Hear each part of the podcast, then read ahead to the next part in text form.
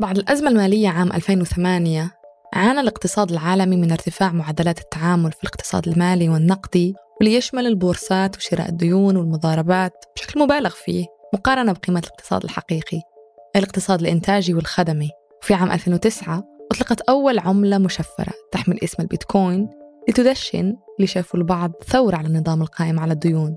الجيل الشاب وجد فيها طريق مختصر لجمع الملايين وأقبل على تداولها والاستثمار فيها. أما الحكومات فانقسمت بين مؤيد ومجرم باعتبارها تؤسس لنظام تعاقدات مالي خارج عن سلطة الدولة.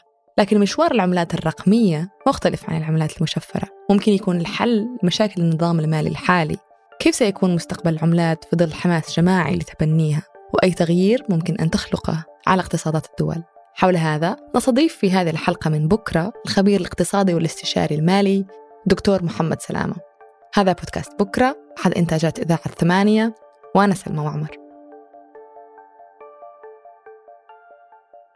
في البداية تشرح لي شنو الفرق ما بين العملات الرقمية والعملات المشفرة؟ إيه، ببداية التسعينات ظهرت مجموعة أفكار تماشت مع التطور التكنولوجي في القطاع المالي هذه الأفكار نتج عنها البحث عن بدائل للعملات لأنه كان في تفكير بتكلفة تبادل العملات بالذات العملة الورقية وال coins وهيك في تكلفة عالية للتبادل والتأمين والتخزين وفي مشاكل. فكان في بحث عن عملات بديلة تتماشى مع التطور اللي حصل في الاقتصاد الافتراضي. ظهر محاولات من شركة ليبرتي الأمريكية ظهر ال e-gold يعني عملة كانت مدعومة بالذهب أو بديلة عن الذهب ونشأت مجموعة أفكار ما كانتش قانونية لأنه شو هي أصلا ال digital currency شو هي؟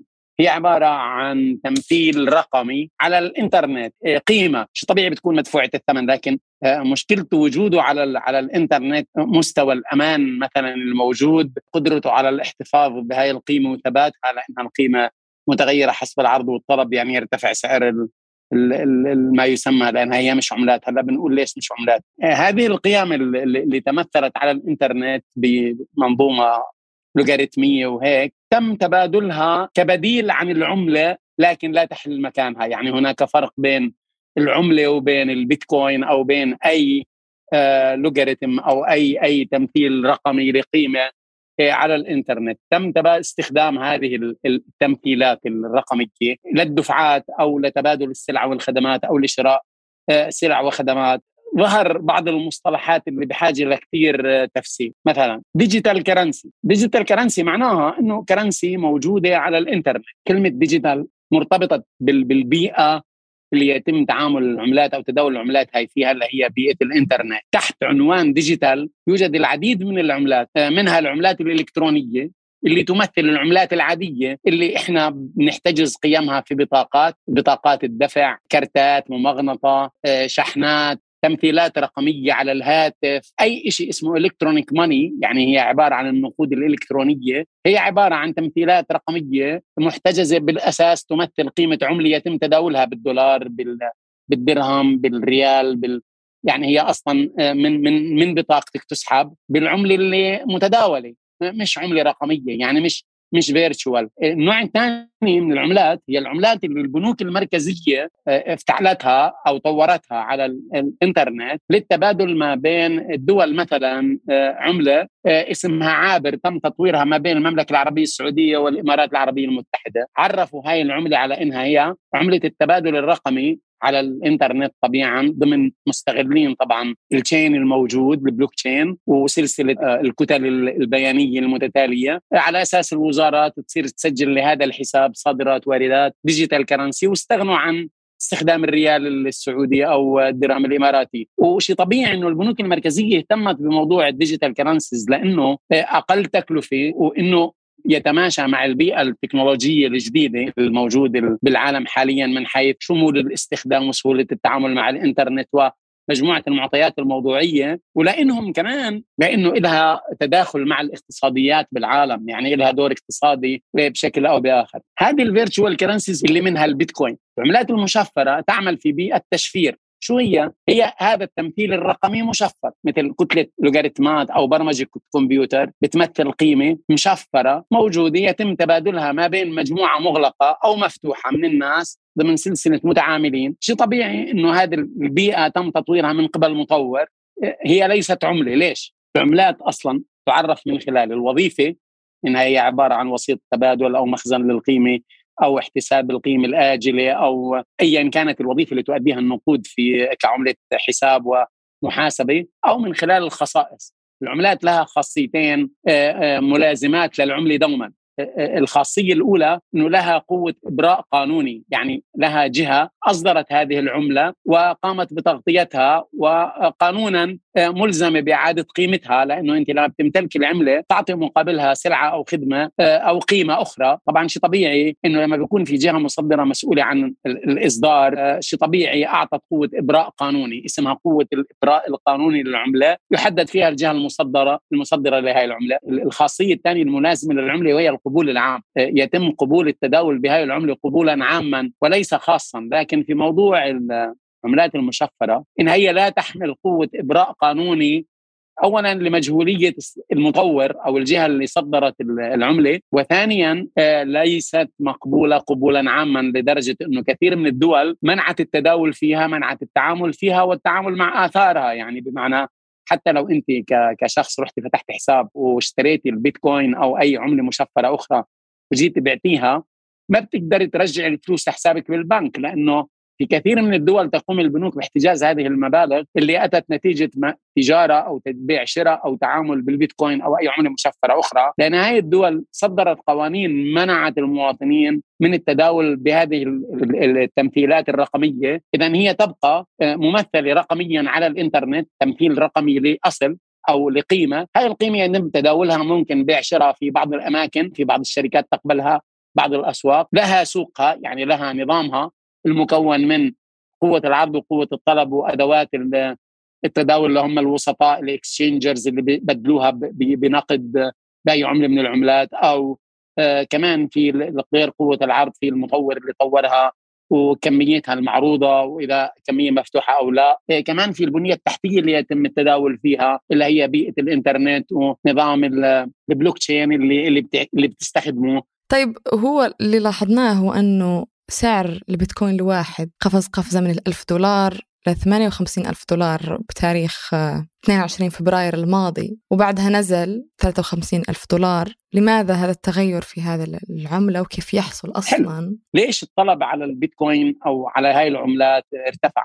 ضروري نفهم ال dynamics تاعت السوق يعني ما هي الديناميكيات اللي بتحرك السعر في هذا السوق. أول شيء الطلب. الطلب على البيتكوين هو طلب مضاربة. لأنه البيتكوين مش شيء تستثمري فيه. هي عبارة عن تمثيل رقمي لقيمة هاي القيمة قيمتها ترتفع وتنخفض بناء على العرض والطلب الموجود بالاسواق إنه سعه الذبذبه على هذه على هذا المنتج كبيرة. إذا بتعرفي من 2020 وجاي لما ظهرت كورونا البنوك المركزية ضخت اموالا مهولة في النظام المالي العالمي لأنه كثيرا من الدول ضخت أموال في اقتصاديات على شكل معونات أو آه، دعم للأفراد مباشر أو غير مباشر، هذه الأموال لم تجد الأوعية الاستثمارية الكافية لاستيعابها، بمعنى إنه أنا لما اجاني المال هذا كمؤسسة مالية أو كأفراد حتى بدي أستثمره ما في وين أستثمره؟ الأسهم ارتفعت بشكل كثير مهول، أصبحت كثير غالية، إيه، امتلأت الأوعية بالأموال لأنه الاقتصاد تعطل، ما في استخدام للأموال، ما في نمو اقتصادي،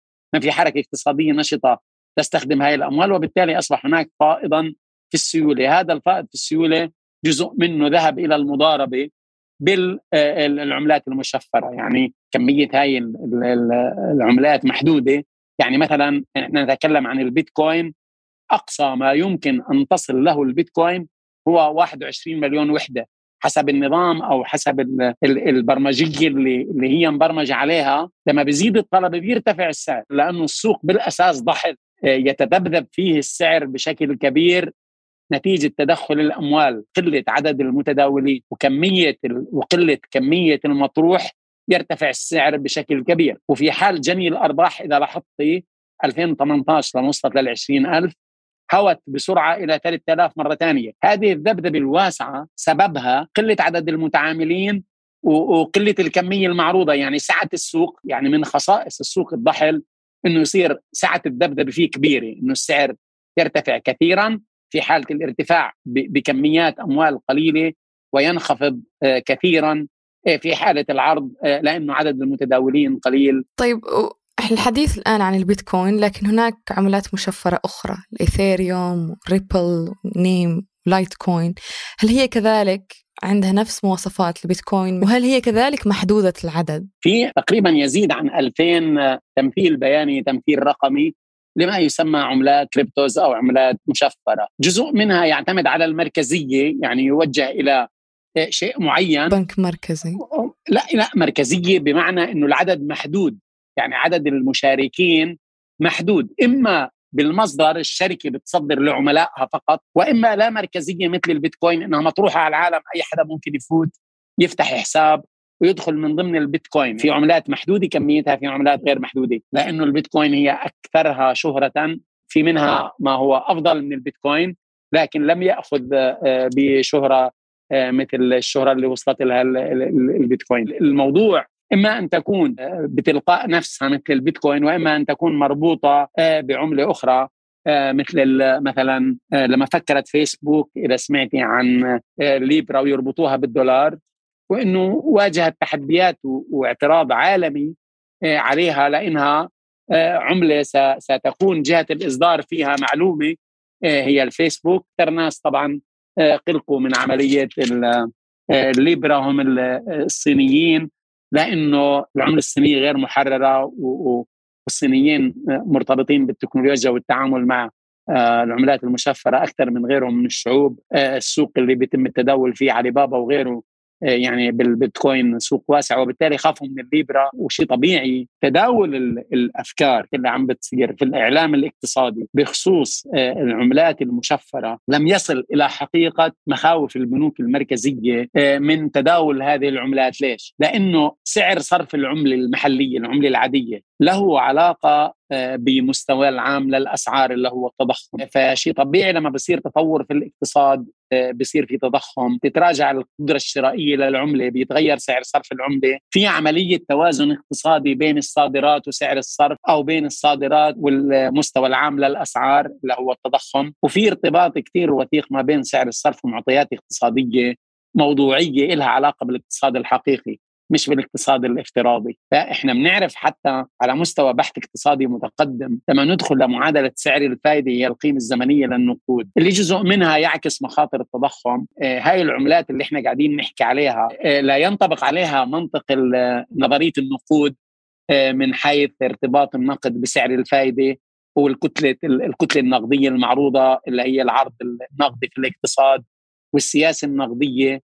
اللي بيتحكم فيها البنك المركزي لإنعاش الاقتصاد أو تفعيله والنظريات الاقتصادية من كينزو لاي أي اقتصادي. يعني بمعنى إنه نظرية النقود أوسع بكثير من أن تأتي برمجية مثلا آه، لتحل مشاكل الاقتصاد. كمان في نقطة مهمة حجم التداول في مجمل هذه العملات ما زال صغيرا وغير مقلق للدول. آه، لم يتجاوز تريليون دولار لحد الآن. آه، لكن كاقتصاد عالمي ما زال الرقم محدود وقادر الدول أو المنظومة الاقتصادية والمالية العالمية تسيطر حقيقه على انتشار هذه العملات. لكن هناك دول تشجع على عملات رقمية مرتبطة ببنكها المركزي. في حين هناك دول أخرى تجرم حتى التداول فيها. يعني برأيك شنو الاتجاه الأصوب؟ هل تشجيعها شوف الاتجاه الاتجاه الاصوب خلينا نحكي إحنا عالم يتطور وهناك انتشار للتكنولوجيا تقريبا قطاع التكنولوجيا وتبادل المعلومات والاتصالات والإنترنت تطور بشكل كثير كبير. كورونا ساعدت في ظهور شيء اسمه الاقتصاد الافتراضي وظهرت مؤسسات ومنشآت اقتصادية ضخمة تتعامل آه، على هذه البيئة بيئة الإنترنت. وظهر كمان بيئة تخزين كبيرة جدا ومهولة آه،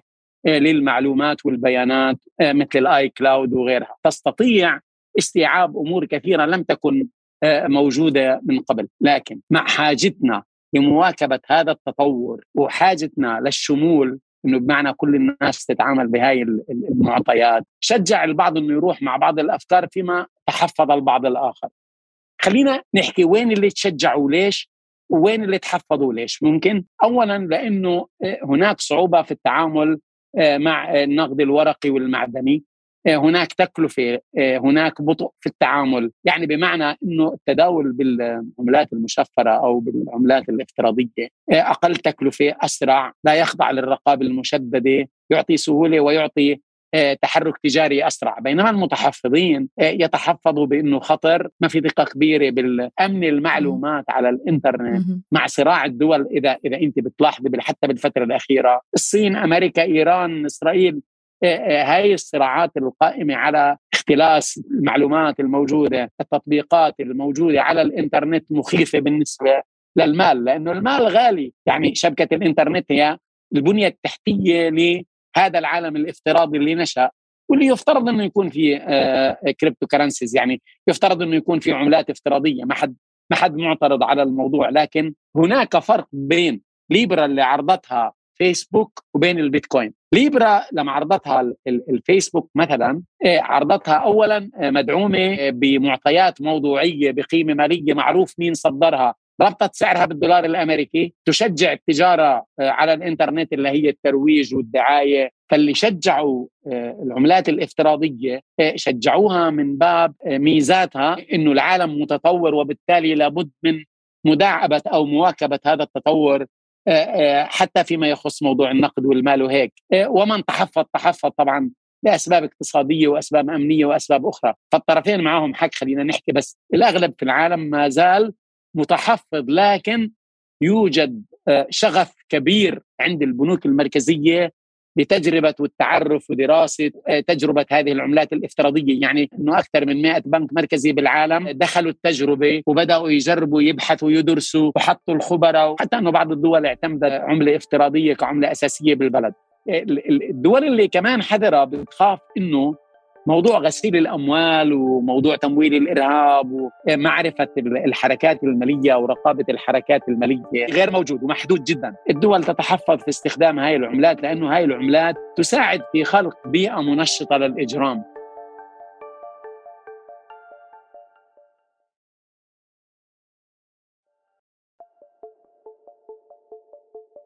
لكن البيتكوين مثلا طبعا. سهل تتبع ولا مركزي لكن تتبعه. التتبع شيء واللا مركزية شيء. التتبع يحدث من خلال السيطرة على البنية التحتية لشبكة الإنترنت ومن خلال آه، التحكم أو الرقابة المشددة على حركة المال نفسه في أنظمة التحويل السويفت مثلا. يعني أنه العالم لما بيراقب حركة المال الحقيقي النقد الحقيقي اللي بيتم إما من خلال أنظمة التعامل ما بين البنوك اللي منها مثلا سويفت آه، وكل الأنظمة اللي بتحول الأموال آه، عبر العالم. هاي عليها رقابة بقرارات من مجلس الأمن وغيره.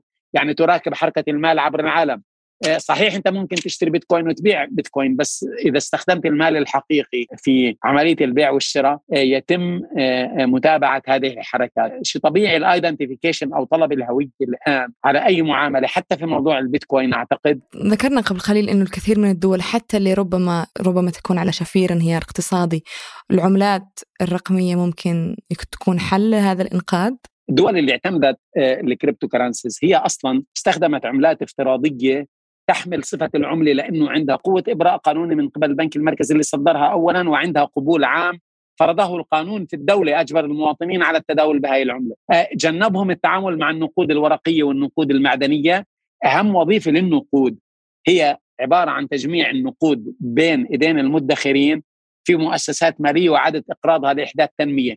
يعني هذا الدور هذا الدور العملة المشفرة ما بتحله. في حالة فنزويلا البنك المركزي موجود السجل عنده. ومن يقوم بشراء هاي العملة الافتراضية لفنزويلا يشتري من البنك المركزي. البنوك الفنزويلية تتداول في هذه العملة مثلا. يتم ترصيدها آخر النهار لدى البنك المركزي. السجل العام للعملة يدير مين؟ يدير البنك المركزي. وكأنه هو صاحب الإصدار تماما مثلها مثل أي عملة عادية. يتم التداول في بيئة افتراضية. يعني إنه بدل ما تدفع لي cash banknotes أو تعطيني تشيك لا أنت بتيجي من بيئة إلكترونية بتحول لي. إيه، يعني هذه الثمرة الاقتصادية الوحيدة إنه هي أسرع عمليات مالية أسرع أقل تكلفة وسجلات أكثر دقة لكن تحت رقابة البنك المركزي. وبالتالي هي ما إجت لحل مشكلة اقتصادية إجت لتحسين النظام الاقتصادي بالبلد بحيث إنها وفرت عملة استغنوا فيها عن الورق وهذا توجه عالمي. بالفعل. وماذا عن ذكرنا قبل قليل العملة اللي أطلقتها السعودية والإمارات وهي أول عملة رقمية وأحب أسمع رأيك في التجربة العربية في إطلاق العملات الرقمية وهل ممكن نكمل؟ بداية عملات أخرى أو عملة عربية موحدة؟ أول شيء كانت البنوك التجارية تأخذ تكاليف ما غير مبررة من لتحويلات الدولتين وبالتالي البنوك المركزية فكرت لسببين السبب الأول تخفيض تكلفة التحويلات وتوقيتها إنه اتفقوا البنكين المركزيين على إنشاء حسابي مقاصه لدى كل منهما للآخر، بتم تسجيل التجارة ما بينهم أو المعاملات المالية ما بين الدولتين من خلال البنوك ومن خلال البنك المركزي عبر هذه الحسابات اللي أصلا لا هي بالدرهم ولا هي بالريال آه، تسجل بعملة رقمية بين الدولتين اسمها عابر آه، لتهيئة الفرصة للتوسع في استخدام هذه العملة مستقبلا. مع تطور البيئة التكنولوجية. واستخدامها بيكون خدمي محض بين المعاملات بين الدولتين وغير مطروحة للمواطنين أو قابلة للتوسع لأنه شوفي طالما استخدم البلوك تشين هي قابلة للتوسع قابلة لإدخال أطراف أخرى للتعامل بنفس العملة. يعني ممكن يفتح حساب لمصر ممكن يفتح حساب ل للكويت. دول كثير تشجعت للتعامل بالموضوع لأنه التعامل مع النقود في ظل أنظمة التحويل الحالية قد يكون محفوف كمان. بمخاطر حجز الأموال في حال وجود شكاوي على حقوق إنسان وجمعيات ورقابة إنه التعامل البيني ما بين الدول الدولتين بيخدم مصالحها بطريقة أفضل. مثل هذا الحساب حساب تقاص ما بين الدول. هناك حساب يعني آه، سبق ذلك هو ما بين روسيا والصين لتجنب التداول بالدولار مثلا. يعني إنه آه، فيها أهداف سياسية اقتصادية على مستوى قومي دفعت باتجاه هذا التوجه وأعتقد إنه نجحت إلى حد ما طالما العملة الافتراضية حملت صفة العملة بقوة إبراء قانوني من بنك مركزي أعتقد إنها ممكن تكون ناجحة آه، لأنها اقتصاديا بسرعتها وقلة تكاليف التداول وسرعة التحويلات و أعتقد إنها بتخدم الاقتصاد بشكل وبآخر. طيب نرجع ل آه، في البحرين تأسست رين فاينانشال من أول منصة لتداول العملات المشفرة في الشرق الأوسط، هذه التجربة تبقى رهينة بالبحرين أم تراها ممكن تتوسع لدول أخرى خصوصا نماذج عربية أخرى أبدت حذر على التعامل التداول في العملات المشفرة، كيف ممكن يكون سوقها في العالم العربي؟ بالأساس العملات الافتراضية أو العملات المشفرة أصبحت أحد أدوات المضاربة، من يرغب في التعامل معها هو شخص شهيته للمخاطر مرتفعة وبالتالي هو مضارب يعني يحمل صفة المضارب، يعني بمعنى هناك من يرغب دائما بالمقامرة وهناك من يرغب دائما بالمضاربة على أسعار هذه خلينا نقول الأصول الرقمية لأنه الميزة الموجودة أو الشيء الإيجابي الموجود اللي يقلل من بشاعة الحدث إنه هناك بنية تحتية مكونة من الصيرفة واللي بتحكي عنه بحرين والشركات اللي بتتعامل واللي أنا أعتقد إنه الحذر في التعامل معهم واجب. يعني هاي أموال تذهب آه، للمضاربة لا يوجد لها أي هدف اقتصادي أو استثماري نتيجة المضاربات هي خسارة. يعني تبخر للثروة. لأنه البيتكوين في حال أو أي عملة مشفرة في حال حاليا بدأ توجه عكسي. بقرار من أي دولة عملت أي قانون أو أي تحذير للتعامل معها ستبدأ بالانهيار. اللي قيمته الآن ستين ألف بعد ساعة ممكن قيمته أربعين ألف لأنه هو ليس أصلا ذا قيمة هو تمثيل رقمي للقيمه إيش يعني لوغاريتم أو أو أو معادلة؟ كم حرف مجمعين على بعض أو برمجية صغيرة موجودة على الإنترنت تحت اسمك تحت اسمي تحت اسم مين بهمنيش. يعني قد تختفي في لحظة. يعني بالآخر هي أوهام وهذا فعلا الأمور.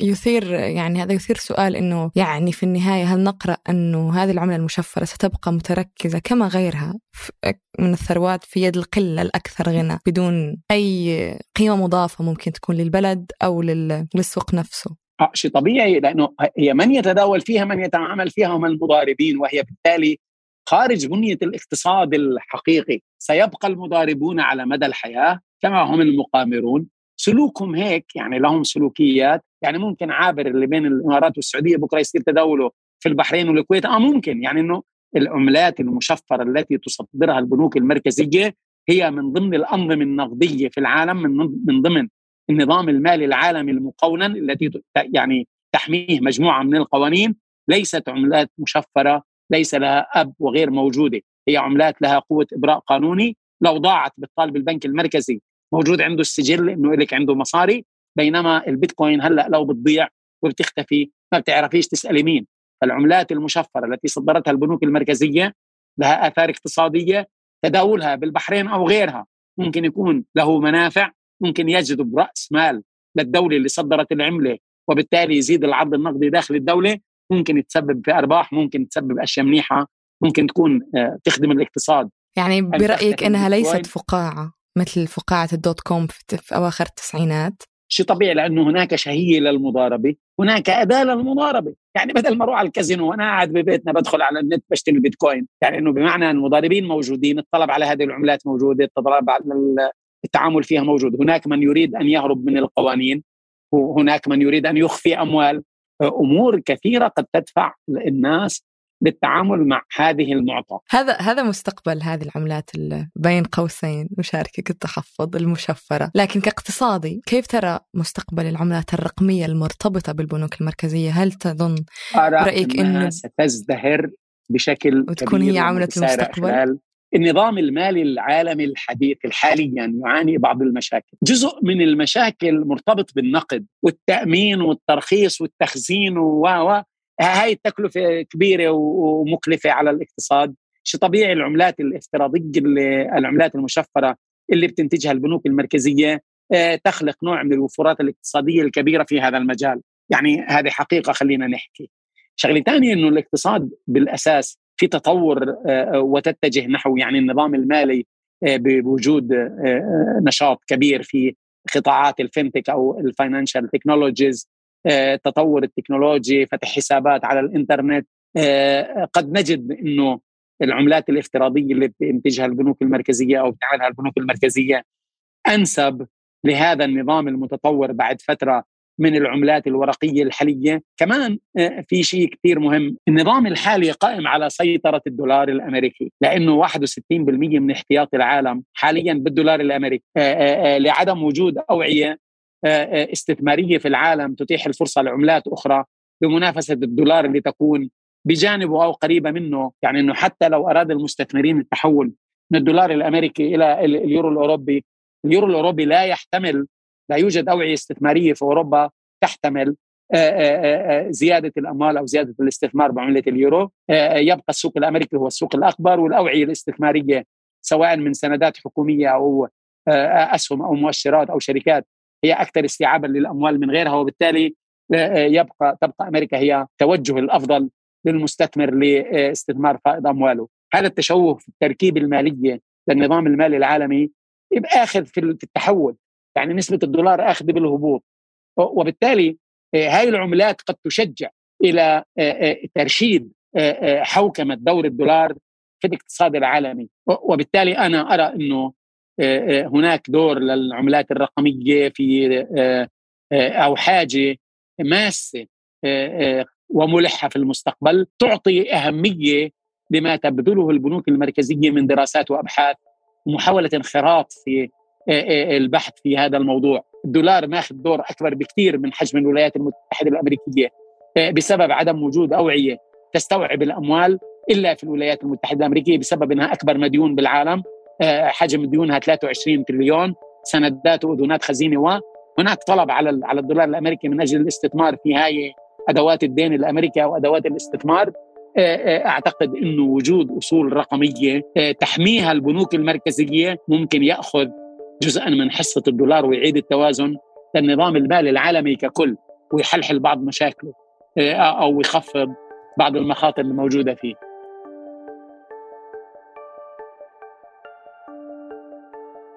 أنتج هذه الحلقة سارة أبو الرب حررها أحمد حامد هندسة صوتيا عبد الله المالكي وفي التنسيق فايز المطيري. هذا بودكاست بكرة أحد منتجات شركة ثمانية للنشر والتوزيع.